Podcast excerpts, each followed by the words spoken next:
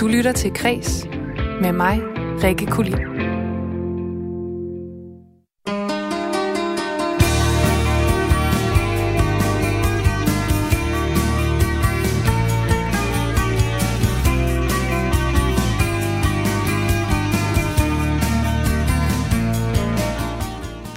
Radio Loud skifter navn til 24-7. Hvordan i talsætter man mobning uden at mobbe videre? Og hvornår må man egentlig spøjle film- og serieplot? Det er de tre kulturelle historier fra ugen, der er gået. Mine tre gæster i ugens fredagspanel, de diskuterer i dag. For hver fredag, der inviterer Kreds tre kulturpersonligheder i studiet for at tale om, hvordan deres uge har været, hvilke kulturelle historier, der har defineret ugen, og så skal vi høre masser af god fredagsmusik. Og fredagspanelet i dag, det består først og fremmest af komiker og podcaster og øh, stemmeskuespiller Natasha Brock. Velkommen til. Jeg tænder lige for dig, Natasha. Ja, tak. Folk ved godt, at jeg er vikar på det her program, og normalt er det mig og Hal, der gør det fantastisk. Med i studiet, der er jeg også øh, skuespiller Magnus Havgaard. Velkommen til. Jo, tak. Og sidst men ikke mindst, journalist, forfatter og tv-vært Mikkel Frej Damgaard. Velkommen til. Tak skal du have. Først og fremmest alle tre. Hvor er jeg glad for, at I er her i studiet sammen med mig. Og fordi det er øh, fredag, så er der jo også sådan lidt øh, fredags bare stemning over det. Og derfor så synes jeg, at vi skal åbne Ja. vores, øh, vores øh, drikkevarer hver især, som vi jo har. Og det er sådan en dejlig lyd nemlig. Ah, lyden af fredag. Vidunderligt. Skål, Skål alle tre. Mm, skål. Skål. Og skål til dig, der lytter med derude. Du er også velkommen til at øh, drikke, hvad end det er, du har ved din side. Kaffe, te, måske en øl, sodavand, you name it. Lige om lidt alle tre, så øh, skal vi høre lidt om, hvordan jeres uge er gået. Men øh, traditionen tro vil jeg lige starte med at spille et nummer for ligesom at øh, sætte stemningen i dag. Og jeg synes, der er sådan nogle lidt hæftige emner, vi skal igennem, og måske noget, man godt kan komme lidt øh, sådan op og skændes over. Og derfor så faldt jeg over sådan, altså ærligt, måske top 10 yndlingsnummer for mig, nemlig et nummer fra 1985 af øh, Anne Linnet og Thomas Helmi. Det hedder Venner, for jeg tænker, at vi skal, vi skal gå ud som venner i dag, men øh, det åbner vi altså med i dag. Velkommen til Kreds på Radio 4.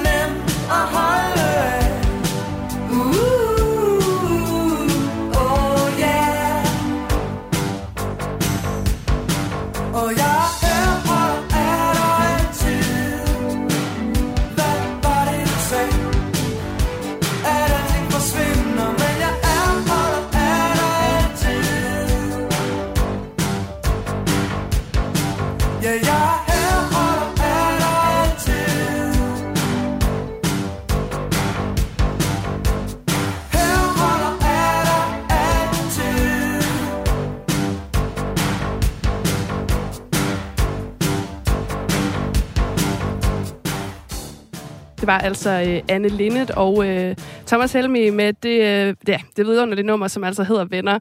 Og det håber jeg også, vi kan forblive i dag i studiet. Med mig har jeg altså Mikkel Frej Damgaard, Natasha Brock og Magnus Havgård. Velkommen til endnu en gang, alle tre. Tak.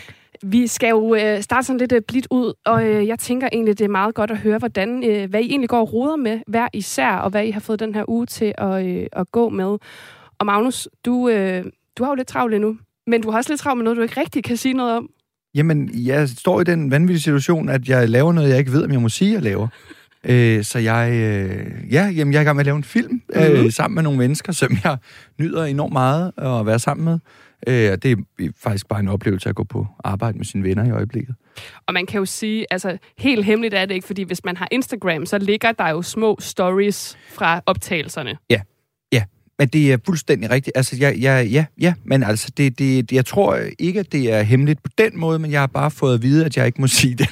Så det, og det er der jo nogle gange ikke nogen logik i, men altså, det, Så du står, ah, den er ude gået med at, at filme simpelthen optag. Det, det er den, og så går jeg rundt i sådan en, en, øh, en rus af glæde øh, over, jeg har arbejdet øh, væk fra min øh, lille lejlighed i øh, det sidste halvanden måneds tid, og nyder bare at være tilbage i København og ja, være blandt familie og venner.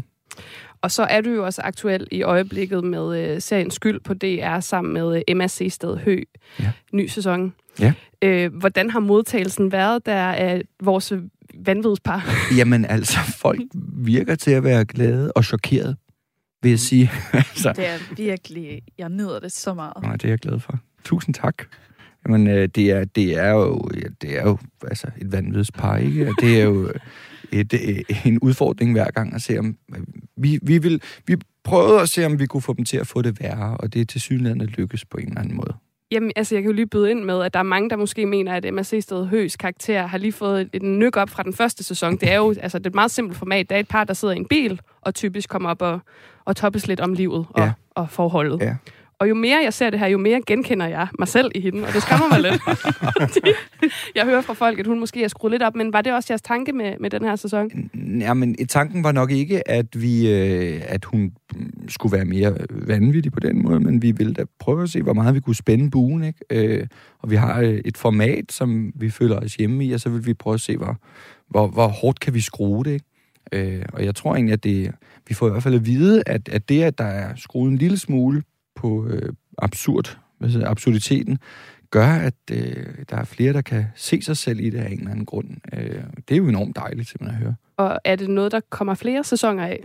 Det øh, er jo øh, en løbende ting, vil jeg sige. Altså, det, jeg tror ikke, det er nogen hemmelighed, at øh, vi godt kunne tænke os at lave noget, men, øh, men øh, hvornår det bliver, det, det kan godt være, der lige kommer til at gå lidt. Nu har vi lavet to sæsoner lige efter hinanden, så der kommer nok lige til at gå noget tid. Og hvis man ikke har set det nu, så skal man altså hoppe ind på, øh, på DRTV og se øh, de her øh, korte afsnit på omkring syv minutter. Natasha Brock, øh, nu er din stemme jo i radioen, men din stemme har jo også lige været med i en øh, ny Disney-film simpelthen, Ja, som fik premiere i går. Ron virker næsten altid. Ja. Fortæl lige om det. jamen øh, der sker det, at jeg bliver kontaktet af nogle af dem, som øh, dopper og siger, øh, vi har den her nye øh, Disney-film, og vi tænker på, om du måske kunne være interesseret i at komme ind. Og så tænker jeg, oh my god, nu sker det. Nu bliver jeg Disney-prinsessen. og det er en drøm, går i opfyldelse. Og så kommer jeg ind, og så er de sådan, ja, det er en mindre rolle med en, der arbejder i en butik. Ja, ja. Jamen det, øh, det gør vi da bare. Super. øh, men altså, det, det virker som om, at det er en, en virkelig sjov film, og jeg var glad for... Øh, altså, jeg tror for mig, det jeg bare kunne sige, når nu har jeg lagt stemme til et eller andet i en Disney-film, det, er- det, altså, det er jo sindssygt uanset hvad. Og hvis man nu ikke ved det, så har du jo en, øh, en Disney-podcast sammen Ja. med komiker Mads Holm, der hedder Bibbidi Bobbidi Podcast, som yes. Yes. tager sig af gamle Disney-film. Så jeg tænker, når man er så begejstret for Disney-film som dig, kunne du så godt øh, tage den begejstring ud af din karakter? Jeg tænker, nogle gange kan man godt få de der, hvad ved jeg, 10 linjer, og så bare give den gas, fordi nu skal man bare spille. Øh, nej, faktisk så var de sådan, du må godt, øh, du må godt skrue op, og sådan, du må godt lige... Og det, altså, jeg, det, er jo, det er jo sindssygt svært at stå inde... Man står jo inde i et lille bitte studie helt alene, og ser bare det ene klip, hvor du skal sige, kom den her vej! Og så er det bare det. Og der skal du leve dig fuldstændig ind i den der... Så det, det er sindssygt svært, men altså... Ja, Jeg var god til at gejle mig op alene. det er jeg ikke i tvivl om. øh, og så, øhm, Nu nævnte du lige vej, det er den mest dårlige øh, overgang, det her. Ja. Men jeg ved jo, du tager kørekort lige nu. Og det er jo også noget, der har fyldt den her uge for dig. Hvordan er det Ja. gået? Altså, det er jo... Jeg tænker, jo ældre man bliver, jo mere nervøs er man måske for at kaste sig ud i det. Ja, det, det tror jeg er rigtigt nok. Altså, jeg er, jeg er sindssygt nervøs, når jeg kører. Øhm, hvis I har set en, der græd på vej ned ad Amagerbrogade i går, det var mig. Altså sådan i bilen. Det, jeg har også fået at vide, at han tør ikke at tage mig ud på motorvej, fordi jeg, jeg er for bange. Og det er jo sådan lidt den omvendte, ikke? Du sådan, giver den ikke nok gas. Nej, jeg, jeg kan godt ind i et studie, hvor jeg skal lade som om, jeg er en unge, men når jeg sidder i en bil, altså, jeg, jeg tvivler på, at det, det kommer til at ske med det kørekort, men lad os nu se. Lad os nu se en gang. I det studiet i dag, der har vi jo også dig, Mikkel. Og øh, man kan sige, Mikkel Frey Damgaard, du har jo også haft en, øh, en travl uge, men måske på en lidt anden måde. Altså, øh, det har jo været med lidt mere indadvendt, kan man sige. Hmm. Du har siddet og skrevet bog. Jeg blev færdig med mit manuskript i går. Overraskende nok. Altså, jeg har været i gang i halvandet år, øh, eller det er halvandet år siden, jeg begyndte at tænke på det. Og så har det ligget lidt stille hen over sommeren. Og så, og så har jeg kæmpet lidt med slutningen, de sidste fjerdedel af bogen. Og så i tirsdags fik jeg en idé. Og så minklede jeg det på plads, og i går så blev den færdig. Og nu sidder jeg og øh, pusser lidt på det. Det er ret fedt. Tillykke. Ja, stort tillykke. Og det var jo ikke, altså, det var ikke planen, at du skulle have været færdig i går. Det, det var ligesom bare en højere enhed. Nej, men det var, det var planen, at, at vi, skulle, vi skal være færdige den 15. november, ikke? Øh, og der kommer til at være noget frem og tilbage. Nu har jeg lige sendt noget af det til faglig korrektur øh, hos en biolog. Øh, så, der, så der vil stadigvæk være rettelser, men den var færdig, og jeg kunne mærke, at den var færdig. Den slutter på det rigtige sted, der sker det rigtige, og jeg er øh, blevet meget tilfreds. Og det troede jeg aldrig, jeg skulle sige. Nej, ej, hvor Det er dejligt. ret vildt. Nu nævner du, at du har sendt videre til en biolog. Hvis der nu sidder nogen derude og tænker, hvad handler den Hvad her bog om? den om? altså, den, det er jo sjovt, fordi nu talte vi... Du, Magnus, du sagde det der med lige at tage den. Altså, gøre det lidt mere vanvittigt, ikke? Ja. Og, og, og du siger også, Natasha, det der med virkelig at, at, og, og intenst gøre det. Og det kan jo noget, det der med altid at afsøge grænserne. Og jeg havde skrevet en og været igennem en meget lang og sådan halvoffentlig proces om min fars selvmord. Og da det ligesom var overstået, så var jeg rundt i Danmark og holdt foredrag, og jeg kunne mærke, at der, jeg begyndte at orientere mig på en ny måde. Og så en lang historie kort. Så begyndte jeg at lystfiske, og blev ret øh, grebet af det. Og så en aften, jeg var meget optaget af det, så tænkte jeg, nu gør jeg det her i mindst et år. Og så skriver jeg ned, hvad der sker. Så lavede jeg et dokument, der hed Fiskejournal. Og så skrev jeg mine oplevelser ind der. Og så blev det altså fuldstændig vanvittigt. Og jeg har oplevet de mest sindssyge ting, og mødt de mest vanvittige mennesker i det der altså, ret fredelige univers, man skulle tro, det var. Ikke? Øh, og kommer ud, og, og, og det er derude i naturen, så længe at jeg begynder at se ting, der ikke er der, og har, har, har vandet en sjæl og sådan noget. Det er rimelig... Det var, det var ret hæftigt, ikke? Øhm, og så... Øh, og så, og så blev slutningen... Jeg var ret meget i tvivl om, hvordan det skulle ende, men det endte op i Sverige i et lille hus. Nej. Det var ret fedt. Og Sverige vender vi jo også Ja, tilbage gør til senere i din sang, så har vi ligesom lagt øh, kimen til den. Jeg øh, vil sige tillykke til alle tre for alt det, I øh, laver lige nu. Der er jo øh, fart på den på hver sin øh, måde. Og øh, så fik vi ligesom lige rundet jeres øh, uger af. Nu skal vi til gengæld øh, dykke lidt ned i det større billede, nemlig ugen i kulturen. Du lytter til Græs med mig, Rikke Kulin. Berlinske Media, de ejer denne her nyhedsapp, der hedder 24-7, som bruger samme navn og logo og Twitter-konto som det nedlagte Radio 24-7. Det fik noget kritik, men det kører altså ligesom øh, videre. Berlinske Media, de har jo så senere hen også købt sig ind som medejer ejer af øh, Loud her. Og så sidder jeg og tænker, Simon Andersen, kan du med det en mente sådan helt afvise, at Loud kommer til at skifte navn og bare hedde 24-7 på et tidspunkt? Altså, du tænker, at Loud skulle hedde 24-7? Giver det meget god mening? Det, det, det, det, det, Jeg siger bare, at Berlingske har en nyhedsapp, de har kørt den videre, der hedder jamen, jeg- jeg 24-7. forstår, De køber sig ind i Loud, og nu Det- du er så tilbage som tidligere nyhedschef på 24-7. ja, ja. Og øh, men har det brand der, at, men det har du ikke talt med Anders Krabbe om, kan jeg godt høre. Jamen altså, alt er jo op. Øh, skal det hedde Kulturradio Danmark, som måske var et bedre navn i forhold til at komme ud af den øh, dødsklemme, man ligesom er bragt i. Men kan du helt afvise, at det kan ske? Jamen, jeg kan ikke afvise noget som helst. Jeg kan ikke afvise en skid. Alt kan ske. Men er det noget, I har talt om? Jeg kan ikke sige noget som helst om, hvad vi har talt om. Ja, sådan lød det her på kanalen tilbage den 31. august, da vært på Aftenradio Christoffer Lind blev den første i landet til officielt at spørge den nye programredaktør og ansvarshavende chefredaktør på Radio Loud, Simon Andersen, om man dog kunne finde på at skifte navn. Og alt kan ske, lød det altså fra den tidligere nyhedsredaktør på øh, Radio 24 /7. Og i går så blev det altså bekræftet, at alt virkelig kan ske. For øh, fra det nye år, så er det altså slut med navnet Radio Loud. Radiokanalen, den tager navneskift, og ja, den skal altså fra den 3. januar hedde 24-7. Det bekræfter Anders Krab Johansen, som er koncernchef, koncernchef i Berlingske Media, og som også ejer 40 procent af Loud over for øh, Weekendavisen. Og øh, det her nye navn, det er jo meget tæt på det gamle Radio 24 som altså sendte øh, tilbage for sidste gang den 31. oktober 2019, efter at Loud de vandt et udbud om DAB-kanal foran øh, Radio 24 Og man kan sige, at den her historie, det er jo en historie med flere plot twist end, det ved jeg ikke, Memento af Christopher Nolan eller et eller andet. Der, øh, der har virkelig været øh, hård modvind for Loud lige siden første sekund. Og kære panel, det er jo noget af en historie, man skal folde ud her, og nu har vi lige siddet og lyttet mm. til øh, Simon Andersen, der i sin tid sagde, alt kan ske, og det skete så. Altså, jeg føler, at det her det kunne ikke være skrevet mere vanvittigt, altså hvis det skulle have været fiktion. Det er nemlig for absurd til på en eller anden måde at være virkelighed. Hvad, hvad var jeres umiddelbare reaktion i går, da I fik den her nyhed? Jeg, jeg fik et grineflip. Ja. Jeg sad på en restaurant og grinede højt. Jeg, jeg, jeg, jeg, jeg, jeg, kan, jeg synes, at man havde hørt lidt muren i krone om, at det Ja. måske var noget, som nogen overvejede, eller det ville ske på et eller andet tidspunkt. Men at det jeg, ja, du bruger ordet absurd. Jeg, jeg, jeg, jeg havde svært ved jeg, jeg har svært ved at se nogen logik i det. Jeg har egentlig også svært ved at sige noget synderligt originalt om det, fordi jeg synes egentlig, det er så åbenlyst. øh, altså, vanvittig en idé. Hvad siger I to andre?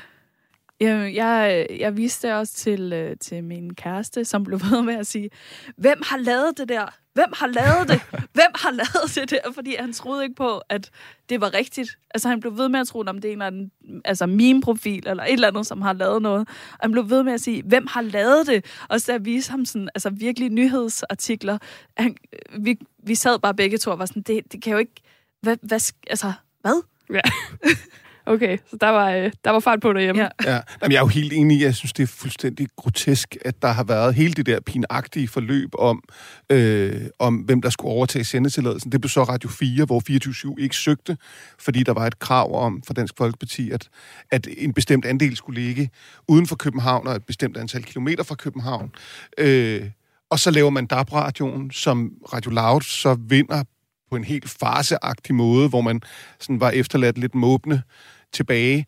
Øhm, og så det der, det der jo er, altså der er jo ikke nogen branche i den her verden, der er så selvoptaget, som mediebranchen er. Nej. Og, den, og, den, og det bliver jo også meget tydeligt her. Ikke? Man må også sige, at, at den gruppe af mennesker, som var med på 24-7, er jo nogle meget, meget markante og meget, meget dygtige stemmer.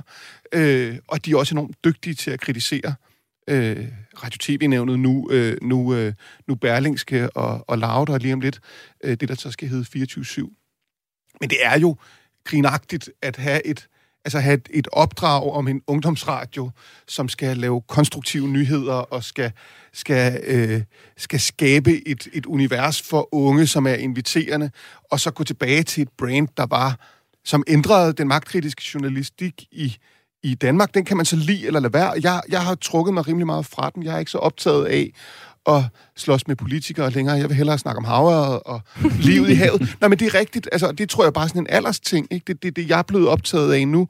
Øhm, og der, og der, er det, der virker det helt vanvittigt, at, at den der ungdomskanal så skal hedde det. Ja. Ja. Men det er jo på en eller anden måde en, en, en meget, meget mærkelig, absurd trojansk hest, man har her, fordi altså, Anders Krab Johansen, hans, hvad skal man sige, argument for det her skifte, det er, at det er et smukt signal med en ambition om at skabe normbrydende taleradio, hvor der ligesom er kontakt med lytterne og det nye øh, 24-7, som der også var med Radio 24-7. Og så påpeger han det her med, at politikerne, de jo henrettet alt det ved højlysdag, også det du er inde på her, øh, Mikkel Frej. Men den kanal, der overtog Radio 24-7's plads, den kan vel ikke også være dens frelser? Nej. Jamen, jeg, altså, jamen, jeg ved nærmest ikke, hvad jeg skal si- sige. Altså, jeg synes, ja, hvis man... Nu har jeg aldrig været på 24-7, og heller ikke på den måde på Loud. Altså, så jeg, jeg ved ikke øh, egentlig noget om de sådan, interne arbejdsgange, men det, jeg synes, man har kunne forstå, der egentlig fungerede på 24-7, det var, at der var en åben og kreativ, et åbent og kreativt miljø, hvor folk ligesom kunne skyde i alle mulige retninger. Og at man så vælger, og undskyld, hvis- at pisse på det på den måde, øh, og så ukreativt, og bare overtage et navn, det synes jeg ikke fordrer et miljø, som på nogen som helst måde kommer til at, at, at gavne det. Altså, jeg kan ikke forestille mig, at det kommer til at gå godt. Jeg kan, altså, jeg kan heller ikke forstå det. Altså, om det, jeg, det, det eneste, jeg kan få øje på, er, at det netop skaber en helvedes masse ballade. Ja. Og det er, så, det er jo så blevet et aktiv øh, i den måde, den offentlige samtale, som i øvrigt, og det mener jeg også, er ved at køre fuldstændig af sporet i, mm.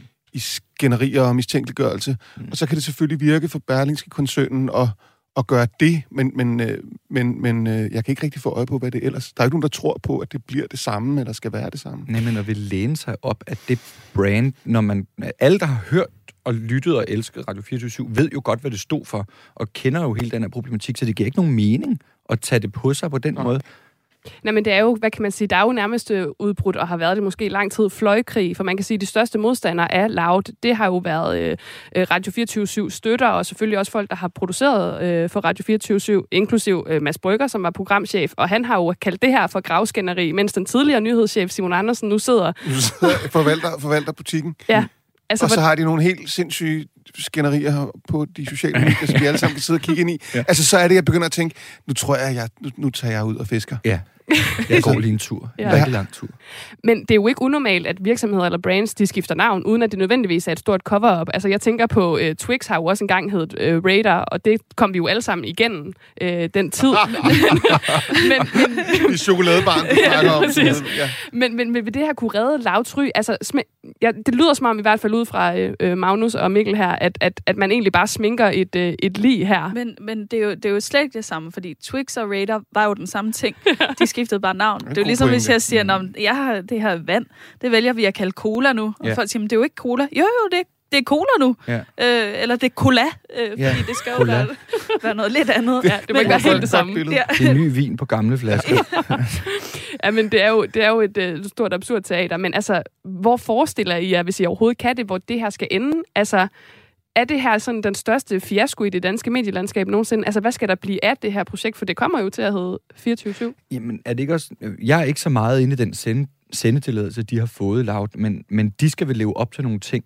Og de ting ændrer sig vel ikke, fordi de ændrer navn. Øh, så så og mm, de, det skal de lykkes med. Øh, og hvis de ikke lykkes med det, så ryger den vel lige så snart den skal... Lige præcis. Man har ansøgt øh, Radio- og TV-nævnet om nogle forskellige ting i den her nye ansøgning. Blandt andet også, at Berlingske gerne vil have 90 procent af aktierne frem for de 40 procent nu, hvilket vil betyde, at tidligere ejere for eksempel skal trække sig. Mm. Så der er en masse ting, man jo også afventer lige nu. Men navnet, det, det burde være til godkendelse. Men det er, altså, det er jo bare en, det, det- det, er jo bare en farse. Ja. Altså, det, det var... Mm. Det var, der, var, der var på et tidspunkt, det begyndte jo med, at man diskuterede, især i journalistkredse, om der var tale om en skandale, ikke? Altså om der var en politisk pression mod Radio-TV-nævnet, som gjorde, at de valgte, som de gjorde. Det var ligesom det, det begyndte med, ikke? Kunne man dokumentere det og holde det op? Og, altså, det kunne virkelig have været hæftigt, ikke? Og nu har det udviklet sig til en pinagtig farse, som øh, hele, hele nationen er vidne til. Mm. Og det virker latterligt. Mm. Jamen, hvor skal det ende? Det, øh, det, det er sådan det store spørgsmål, der hænger i luftet. I hvert er fald... også, altså, nu kommer jeg lige i tanke om, fordi, fordi nu så jeg lige Jørgen Ramskov, som er tidligere direktør på 24 ikke? Han, han sammenligner det med, at hvis man, at hvis man tog en trommeslager, en øh, bassist og to guitarister, så kunne man kalde sig for Beatles. Altså, det siger jo også noget om selvopfattelsen på Radio 24 Ja, ja, ja, ikke? ja. Altså, det er simpelthen, det, er så, det skulle så være det radiofoniske svar Ja. ja. på verdens største og mest markante rockband, hvor der i øvrigt kommer en dokumentar lige om lidt, som jeg glæder mig sindssygt meget til at se. Mm. Over hos, hos dig på Disney+. Plus. Nå, Ej, okay, så får vi også kastet op Ja. med... Peter- Det er Peter en Jackson har lavet-. Peter Jackson har lavet, altså, altså ud af sådan noget råmateriale, der aldrig er blevet vist før.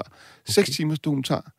Tror Ja. jeg nok, det er. Det, den glæder jeg mig til. Undskyld, det var noget helt andet. Jamen, det kan være, at vi øh, kommer forbi den i fredagspanelet på et tidspunkt. Ja, ja, lige præcis. Men øh, Mikkel Frej Damgaard, du får faktisk lov til at slutte den her øh, samtale med en sang, som vi skal Ja. høre nu. Vil du ikke præsentere for os, hvad vi Jo. skal lytte til? Jo, øh, nu fortæller jeg det der med, min bog, den, den slutter op i Sverige. Og det var sådan, at i Kristi Himmelfartsferien, der kørte øh, min kæreste og hendes to piger og jeg, vi havde fundet sådan en, en liten stukker, en til sjø.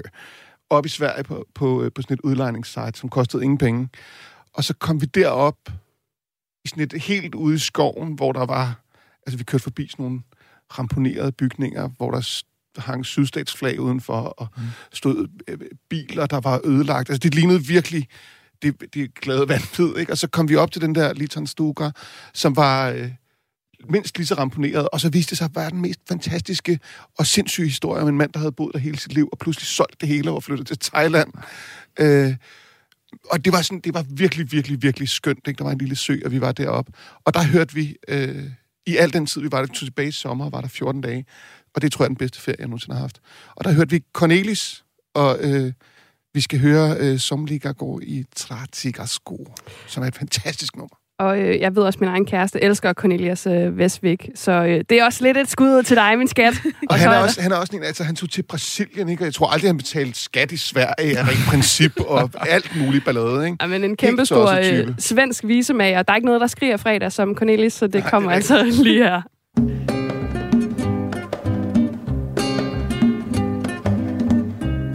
Somliga går med trasiga skor Säg vad beror det på? Gudfader som i himmelen bor Kanske vill ha det så Gudfader som i himmelen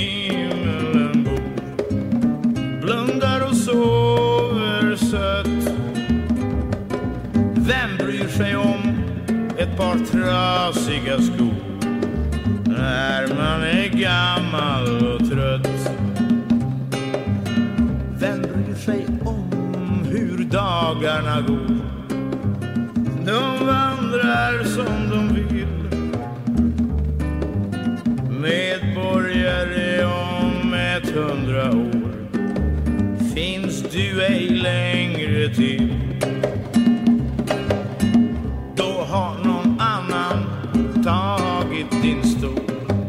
Det vet du inte av. Du känner varken regn eller sol ner i din mörka grav. Vem bryr sig om hur nätterna far? Jag bryr mig inte ett spår bara jag får ha mitt ansikte kvar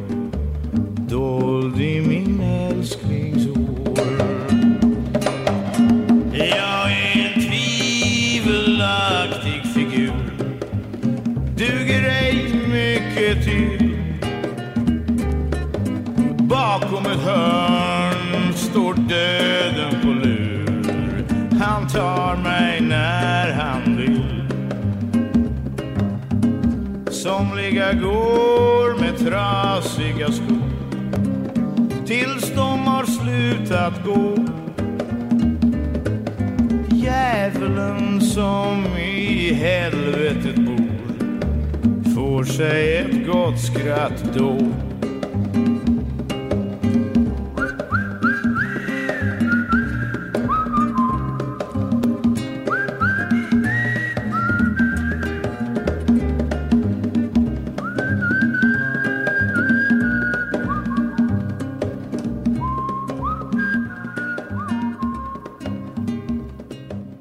Var altså Cornelis Vesvik med Somliga går med Tresiga Score, valgt af Mikkel Frej Det er dejligt, Damgaard. Det er rigtig, rigtig dejligt. sagde du det det med din kæreste. Det var også min kæreste, der valgte det. Jeg spurgte, jeg skal vælge et nummer. Du Ja. skal vælge Cornelis. De har begge to rigtig, rigtig god musiksmag. Du lytter til Græs med mig, Rikke Kulin.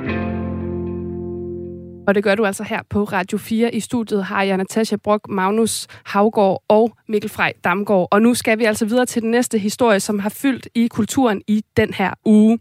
For der har været stor fokus på den tidligere elitesvømmer med mere end 50 internationale medaljer, nemlig Janette Ottesen og hendes biografi, der hedder Fri, som udkom på forlaget Gyldendal i går. Og det hele det startede med et uddrag fra bogen om den tidligere kollega Lotte Fris, altså tidligere svømmekollega, hvor der blandt andet stod, eller står i bogen. Lotte siger aldrig stop. Hun er et klassisk mobbeoffer, for hun gør det ikke nemt for sig selv. Hun lader det bare stå til, så hun efterhånden bliver en, man automatisk griner ad. Det bør ikke være sådan, og det er ikke fedt at sige, men sådan er det desværre. Og øh, det her uddrag, det fik altså folk til at reagere kraftigt, inklusiv Lotte Fri selv, som igen skulle forholde sig til sin øh, fortid og også skrev om på Instagram, hvor ked af det hun blev af at skulle forholde sig til det.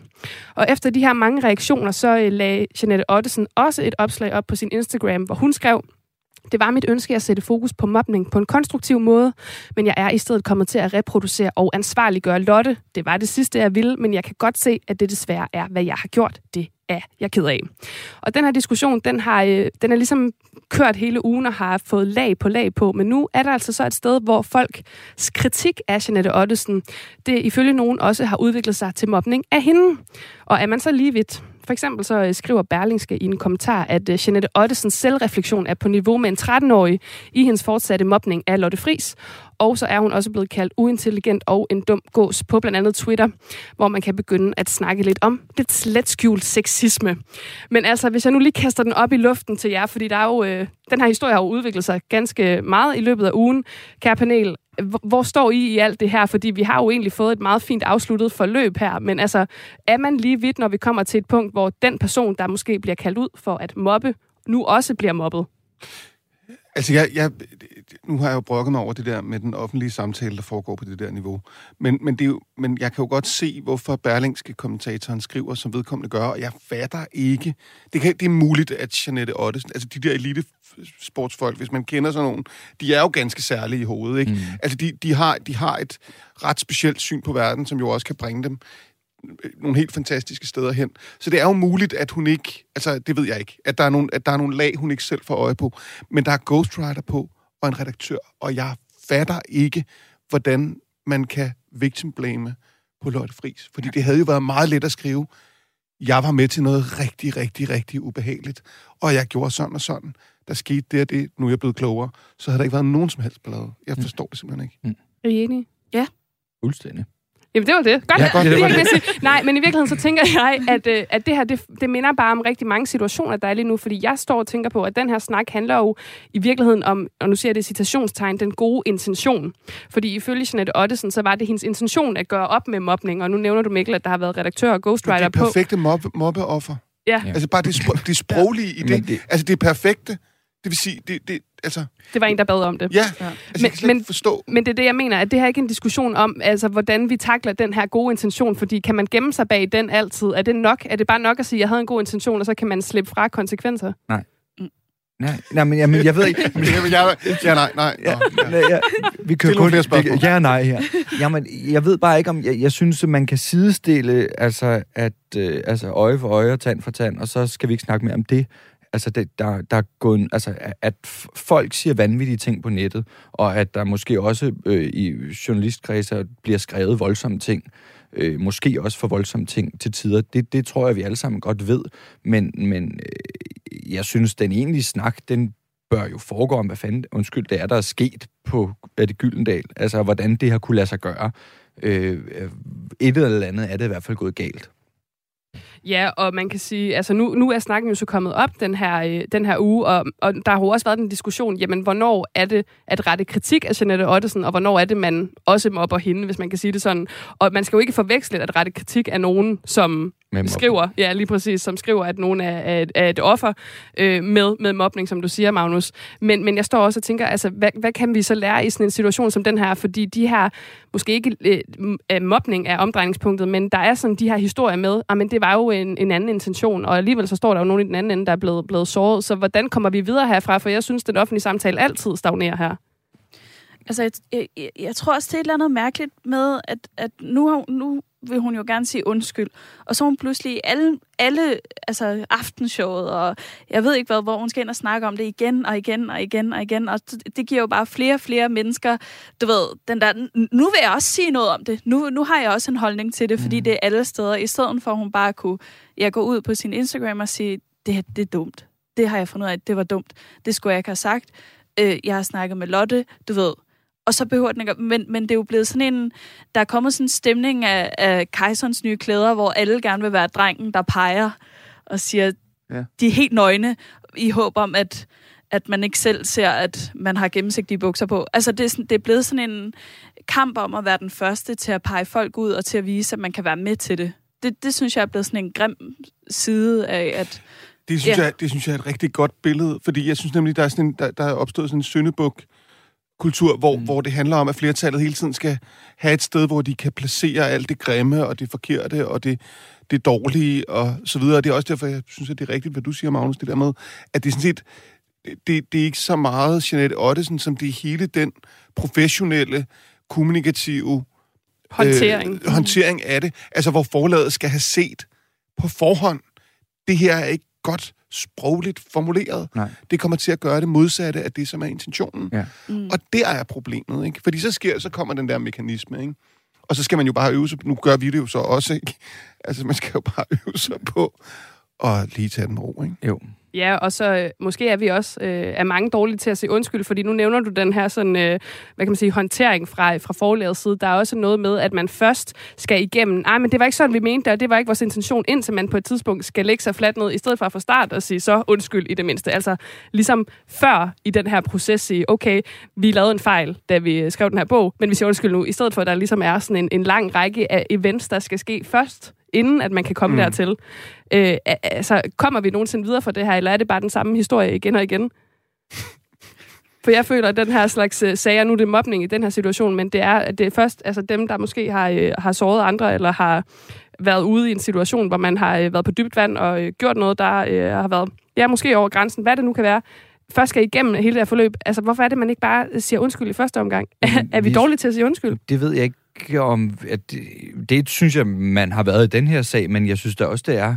Altså, selvom det er noget rodet kommunikation, så er det jo egentlig en meget god kommunikation, fordi pludselig så sidder vi og snakker om, hvorvidt en undskyldning er i orden, og ikke at hun decideret indrømmer, at han mobbede en kollega i, jeg ved ikke hvor mange år. Altså, det er vel det, historien mm. er. Øh, men det snakker vi ikke rigtig mere om. Nu snakker vi bare om, at, at, at det er- det blevet lidt bøvlet, og hvordan er det lige, og når, måske er hun blevet øh, ladt alene af gylden. Altså, det, det bliver rodet, når vi skal snakke om intentioner og sådan noget, i stedet for, ja, hvad pointen egentlig måske virkelig bør være. Men er det, hører jeg dig sige, at det har været en, en pressestrategi i virkeligheden? For det, vi sidder jo også, altså folk har jo også snakket om den her bog. Ja, ja, ja altså, det ved jeg ikke, om det har været, men altså, det, det, det, Så er den, så er den eddermame kynisk, ikke? ja, ja, Ja. Altså, det, det, det, så, håber så, man ikke. så, den, så er den mere kynisk, end jeg troede, man ville turde. Jamen, den kan vi, den kan vi øh, lade ligge og hænge derude, så kan de øh, tage til genmæle Gyldendal, hvis I hører det her. jeg tænker, at vi skal... Øh, altså, tiden løber jo bare, det gør den altid, når man sidder her og har 55 minutter til at diskutere ugen, der er gået i kulturen. I et godt selskab. I et godt selskab, selvfølgelig. Husk at øh, drikke jeres drikkevarer, så I ikke øh, dehydrerer herinde i, i varmen. Men Natasha Brock, du har jo øh, også taget et, øh, et nummer med Ja. i, øh, i dag. Det må du meget gerne præsentere. Ja, nu vil jeg jo også komme med et surt opstød. Øh, nej, det er fordi, jeg hører så tit det der med, at øh, vi er kvindelige komikere, vi findes jo ikke, og hvor er vi henne, og hvor er de sjove kvinder? Og det er jeg rigtig træt af at høre. Og jeg er også rigtig træt af at høre, at man siger, hvor er de kvindelige musikere? Hvorfor er der ikke flere kvindelige musikere? Og de er der jo. Og i, i virkeligheden er det jo vores opgave at finde de her mennesker. Og jeg har fundet en, Ja, okay, jeg har ikke fundet en. Det er ikke mig, der Jeg har ligesom- opdaget en. jeg har taget dette talent under vingerne. Nej. øhm, Erika Jane skal vi høre, som er ret ny på, på musikscenen, men virkelig, virkelig god. Og jeg, ja, jeg er blevet rigtig glad for hende. Jamen, jeg synes bare, vi skal kaste os ud i at høre dejlige Erika Jane med Bad Like You. Det er et fantastisk nummer.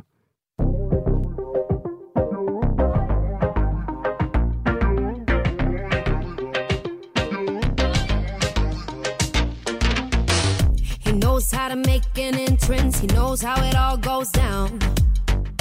Got all them wild intentions, know how to make his way downtown. But I'll be damned if I let him stay, and I'll be damned if I let him go. Oh, I'll be damned if you get away, so I'ma keep you on a low.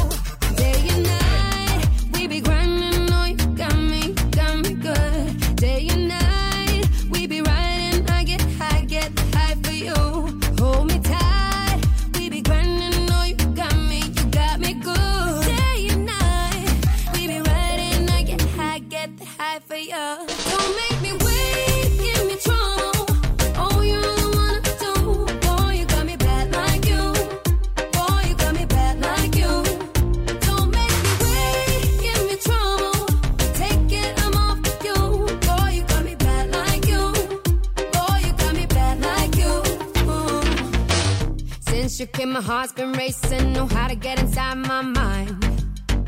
I'll give you all that honey loving. I'll make you wanna take a bite. But I'll be damned if I let him stay. And I'll be damned if I let him go. Oh, I'll be damned if you get away. So I'ma keep you on a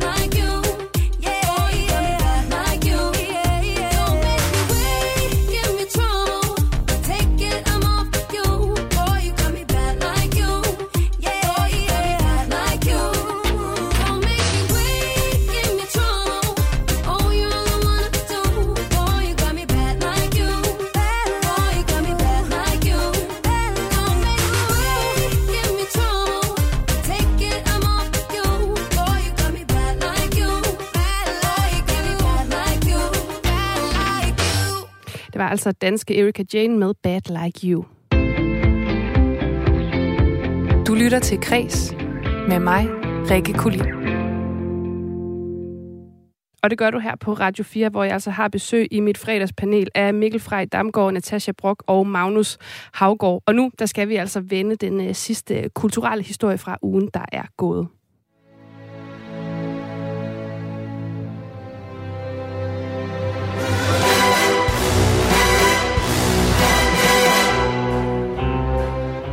For forfatter Kasper Kolding Nielsen, han spoilede i denne uge den seneste James Bond-film No Time to Die på Facebook med overskriften 007 Plot Spoiler Alert.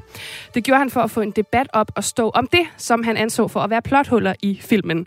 Og dem kan vi naturligvis ikke diskutere i radioen, fordi det ville jo i sig selv være en spoiler. Men fordi at vi ligesom bygger den her historie på øh, Kasper Kolding, så vil jeg prøve at læse hans øh, plot-spoiler opslag op her, uden at spoile, fordi vi bliver ligesom nødt til at have lidt, øh, lidt kontekst. Og jeg lover altså, kære lytter, jeg spoiler ikke plottet til No Time to Die. Men nu prøver jeg at læse op her fra Kasper Koldings øh, opslag. Jeg forstod aldrig, hvorfor de der ikke kunne havde ikke gjort det på et minut tilbage tidligere i filmen. Hvorfor skulle absolut med det samme? De kunne da have ventet et par dage eller en uge. Alle var jo Hvorfor ville ham skurken? Forstod ingenting. Kunne heller ikke ramme det rigtige popcorn sodavand ratio til 2 timer og 44 minutter, og havde kun popcorn tilbage i den sidste time. Ja, det var altså en spoilerfri spoiler her fra Kasper Kolding Nielsen. Og øh, kære panel, jeg føler, at den her diskussion den er altid aktuel i en verden med streaming, og vi har det hele tilgængeligt hele tiden. Altså, jeg har besluttet, at vi skal nedsætte en arbejdsgruppe bestående af os fire, hvor vi sammen skal lave en form for Emma Gade for spoiling. Lad mig lige starte med at høre jeres erfaringer med spoiling. Om, har I nogensinde altså, kommet til at dumme jer? Ja. Ja. Sidste afsnit af Game of Thrones kom jeg til at spoile. For hvem? For verden? Jeg kom til at lægge noget op på Instagram. Ja. Ja. Der var mange, der blev... Jeg, jeg tog den story ned igen. Meget hurtigt. Gjorde du det? Ja. Det er så alvorligt. hårdt. Jamen, jeg har ikke rigtig forholdt mig til det der med spoiling. Altså, jeg synes, det er sådan lidt... Ja, Det er ikke... lidt ligeglad. Ja, okay. Det, det kommer, altså, os, der elsker film og serier rigtig meget. Jeg føler ikke, vi er ligeglade. Nej, men det hører jo også en anden tid til, ikke? Altså, det var, eller en ny tid til, kan man Ja. sige, fordi at, altså for, for 15 år siden, da man sad og så forbrydelsen, der sad vi alle sammen og så forbrydelsen søndag aften kl. 20. Nå, Og så ja, kunne man- selvfølgelig. Så kunne vi møde op dagen ja, ja, er efter, og så kunne vi snakke om det, men nu, nu ser vi det jo altså, på forskellige tidspunkter, i forskellige tempi, og det, det er jo et helt nyt problem, som vi bliver nødt til at løse. Og man skal selvfølgelig mene noget hele tiden om alting. Ja, Fordi ja. du kom til, Natasha, da du lagde den der story op. Ja, jeg kom til at sige, ej, så har de jo bare... Det var altså også en lidt flad afslutning på Game of Thrones. Ja, helt ærligt. Den fortjener det. at blive spoilet. ja. Okay, jamen, altså, jeg synes, vi tager dem en af gangen, og så prøver vi ligesom her at lave sådan et, øh, jamen, et lille manifest her. Altså, kære panel, hvornår må man spoile en film eller serie? Findes der nogen regel for, altså, man må gerne spoile, fordi det her er urgent. Det er noget, vi skal snakke om. Jamen, nej, men det er det der, jeg er jo totalt boomer. Altså, det er jo, det er jo, nu gør det jo op for mig, Magnus. Altså, jeg, jeg er jo den gamle skole, ikke? Og så har jeg holdt rimelig meget op med at se serier så jeg ser nakkeret. og er ellers ude at fiske og høre gammel svensk folkemusik. Ikke? På den måde er verden meget enkel. Jeg er ligeglad. Nå, men okay. Hvad så med jer to, der tager sig Magnus? Ja, ja, altså, jeg, jeg synes, at du skal... Altså, jeg, jeg, synes, det, jeg synes, det er sjovt, hvis vi kan lave en regel, men jeg synes også, det er vanskeligt at lave en regel. Ikke? Ja. Øh, prøv at lade være de første par uger, mm. vil jeg sige. Og så øh, være opmærksom, spørge, har du set øh, James Bond? Ja, ja man kan jo, det er jo sådan, jeg tænker, der er jo både de sociale medier, og så er der jo i virkeligheden for eksempel. Ikke? Altså, Ja. det værste, jeg ved, jeg kan komme med et meget konkret eksempel, det var øh, Kastanjemanden, lige da den var udkommet. Mm. Mm. Der sidder jeg i et tog, et offentligt tog, og så kan jeg bare høre to bagved mig, der bare begynder, lab, lab, lab, lab. Mm. og jeg er sådan der, og det går op for mig, at de snakker om Kastanjemanden, og jeg Ja. sidder sådan her med hænderne på ørerne til min kæreste og siger sådan her, na, na, na, na, na. Jeg, kunne ikke, jeg, var, jeg var for konfliktsky til at sige, I må ikke spoil. Mm. Og sådan, må man spoile et tog? Men hør, jeg, jeg synes, det, der, er noget, der er noget... Den gamle boomer her, nu løfter jeg også pegefingeren, ikke? Mm.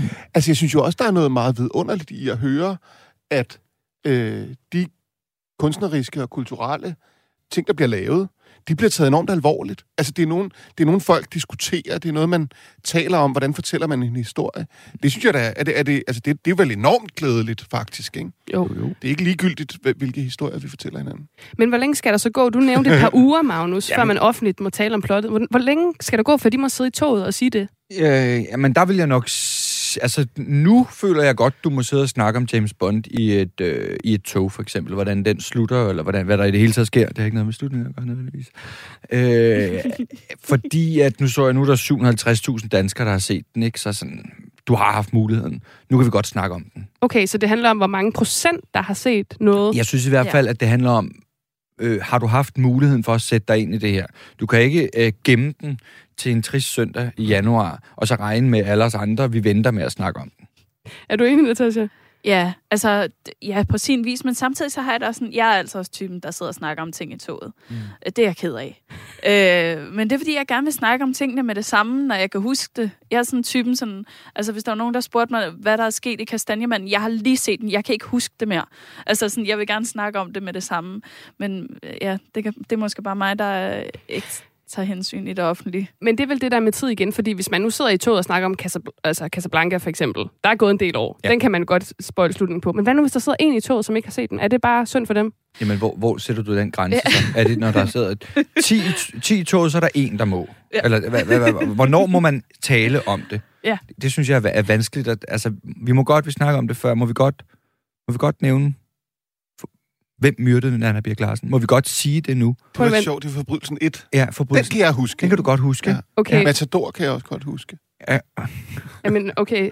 Nej, vi må ikke sige det nu. Vi, hvis der nu sidder nogen der er ude og ikke har set den. Nej, Altså, okay. jeg tror, at forskellen er også, hvis nu jeg sagde til jer, jeg har ikke set forbrydelsen før, jeg har lige opdaget Ja. jeg skal til at se Ja. Og den I så- vi første, så sagde- og I så siger, Ja. det er den her, så, så vil jeg nok tænke, Nå, altså, jeg ved godt, den har været der i, jeg ved ikke, hvor lang tid, men 14 nu har jeg lige fortalt, at jeg lige har opdaget den, og jeg har ikke fået spoilet noget, så jeg tror måske også, Ja. at, at ja, selvom den, jeg har haft muligheden, så kan man jo opdage noget. Men det, det er rigtigt. Og jeg synes også, der er... Øh, det, det, det synes jeg er meget rigtigt i forhold til, hvis man siger, jeg har ikke lyst til at vide noget. Jeg har den faktisk også med min, med min kæreste en gang imellem, hvor han siger, øh, har du set den her? Jeg siger, nej, nej, lad os endelig se den. Okay, fordi der er sådan nogle fede effekter, hvornår... Nej, nej. Og Jeg vil så, ikke vide noget. nej, ja, og, så, og så kan vi faktisk nærmest blive uvenner over, at jeg føler, at han har spoilet noget. Men han, han har ikke spoilet det, han synes var fedt. Men han har måske spoilet noget, som jeg vil blive enormt overrasket over. Ikke? Ja. Så jeg tror, man skal... Jeg tror, man skal altså vare sin mund. Så i de personlige relationer, der er det i virkeligheden at kommunikere, som det er jo i mange ting. Ja, Og ja så- det er vigtigt. Jamen så altså, er det i virkeligheden så ikke et spørgsmål om tid fra udgivelse, men til en vis procentdel. Nu nævnte du for eksempel før, Magnus, 750.000 har set Bond. Ja, ja altså det, det var i hvert fald lige den regel, jeg kunne Men, komme det, op men med. så, så, det, det er jo, så, så taler vi jo kun om de helt store fælles samtale ting, ikke? Ja. Altså, øhm, Ja, vi kunne lave... Jamen, det er jo det. Det er jo også netop Men, det. det, men hvad, med, hvad med sådan noget, altså nu, det, er jo, det her retter sig jo meget mod krimier eller thriller. Øh, hvad med sådan noget, hvad med de der tv-serier? Som, så, eller ikke slutter ikke tv-serier, men, men tv-shows, som X-Factor, Vild med Dans og Bagedysten og sådan noget. Ja. Det er jo, det der, de har jo også sindssygt mange. Der må det jo også ske. Altså, der, der føler jeg, at man ikke må... Altså, jeg ved godt, nu ligger der jo nogle gange det der snigepremiere, så man kan se u- næste uges afsnit og sådan noget. Men der føler jeg, at man bliver nødt til at vise hensyn til dem, der er på flow. Altså, der snakker man om det efter det. Ja, efter flow. Efter Ja, helt klart. Efter, flow. flow. Flow dikterer, helt Ja, sikkert. Flow dikterer, okay. Jeg tror, det er den eneste regel, vi fik her med fra studiet, som jeg håber, I vil bruge, kære lytter. Flow dikterer. Fordi tiden er altså ved at være gået, og vi skal altså også her til sidst, inden vi siger farvel, øh, høre den sang, som du har valgt at sådan, øh, sende os på weekend med, Magnus Havgaard. Ja, ja, ja. Altså, jeg er egentlig ikke et musikmenneske. På den måde er det gået op for mig. Øh, men øh, jeg har et eller andet meget specielt forhold til Søren Hus. Øh, jeg, kan altid, øh, jeg kan altid høre ham, og jeg kan altid høre øh, hans stemme, og jeg føler, han har så meget på hjerte. Øh, så vi skal høre en, en sang, der hedder Opvasken. Ja, og fordi den er, den, jeg synes bare, den er smuk. Jeg synes, det er en fantastisk måde at slutte øh, det her program af på, og derfor så vil jeg også gerne sige tak til jer alle tre komikere, podcaster, Natasha Brock, skuespiller Magnus Havgaard og journalistforfatter og tv-vært Mikkel Frej Damgaard. Tak fordi I var med. God weekend. Ja, god weekend. Og du har altså lyttet til Kreds på Radio 4. Det her program det kom i øh, hus med hjælp fra Tjelle Vejrup. Bliv hængende her på kanalen. Om lidt er der nyheder, og så er der efter det løse ender med Camilla Boraki og hemmelig medvært, har jeg lyst til at sige. Men her kan jeg lytte, der slutter Kreds altså med Søren Hus og opvasken.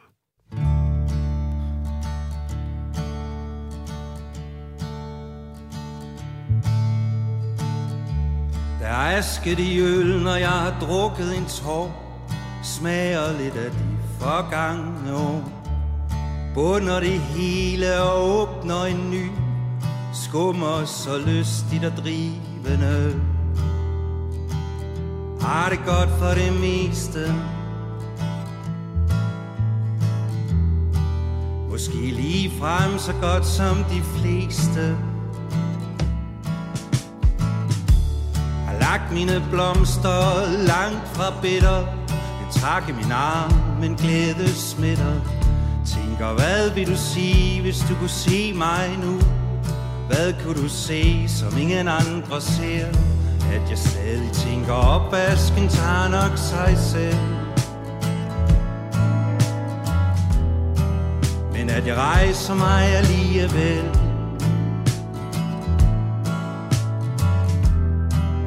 Tømmer endnu en halv tom kop vasker den op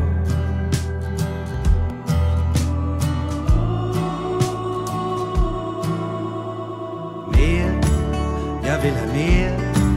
Jeg vil have meget, meget mere. Mere, jeg rummer mere. Jeg rummer meget, meget mere. Mere, jeg kan give mere. Jeg kan give meget, meget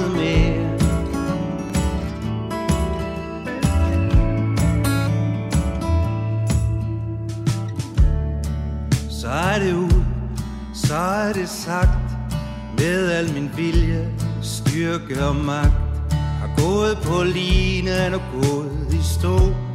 Mærker stille jorden uden helt at forstå. Jeg er fri, ikke færdig. Selv erklæret, modig og værdig.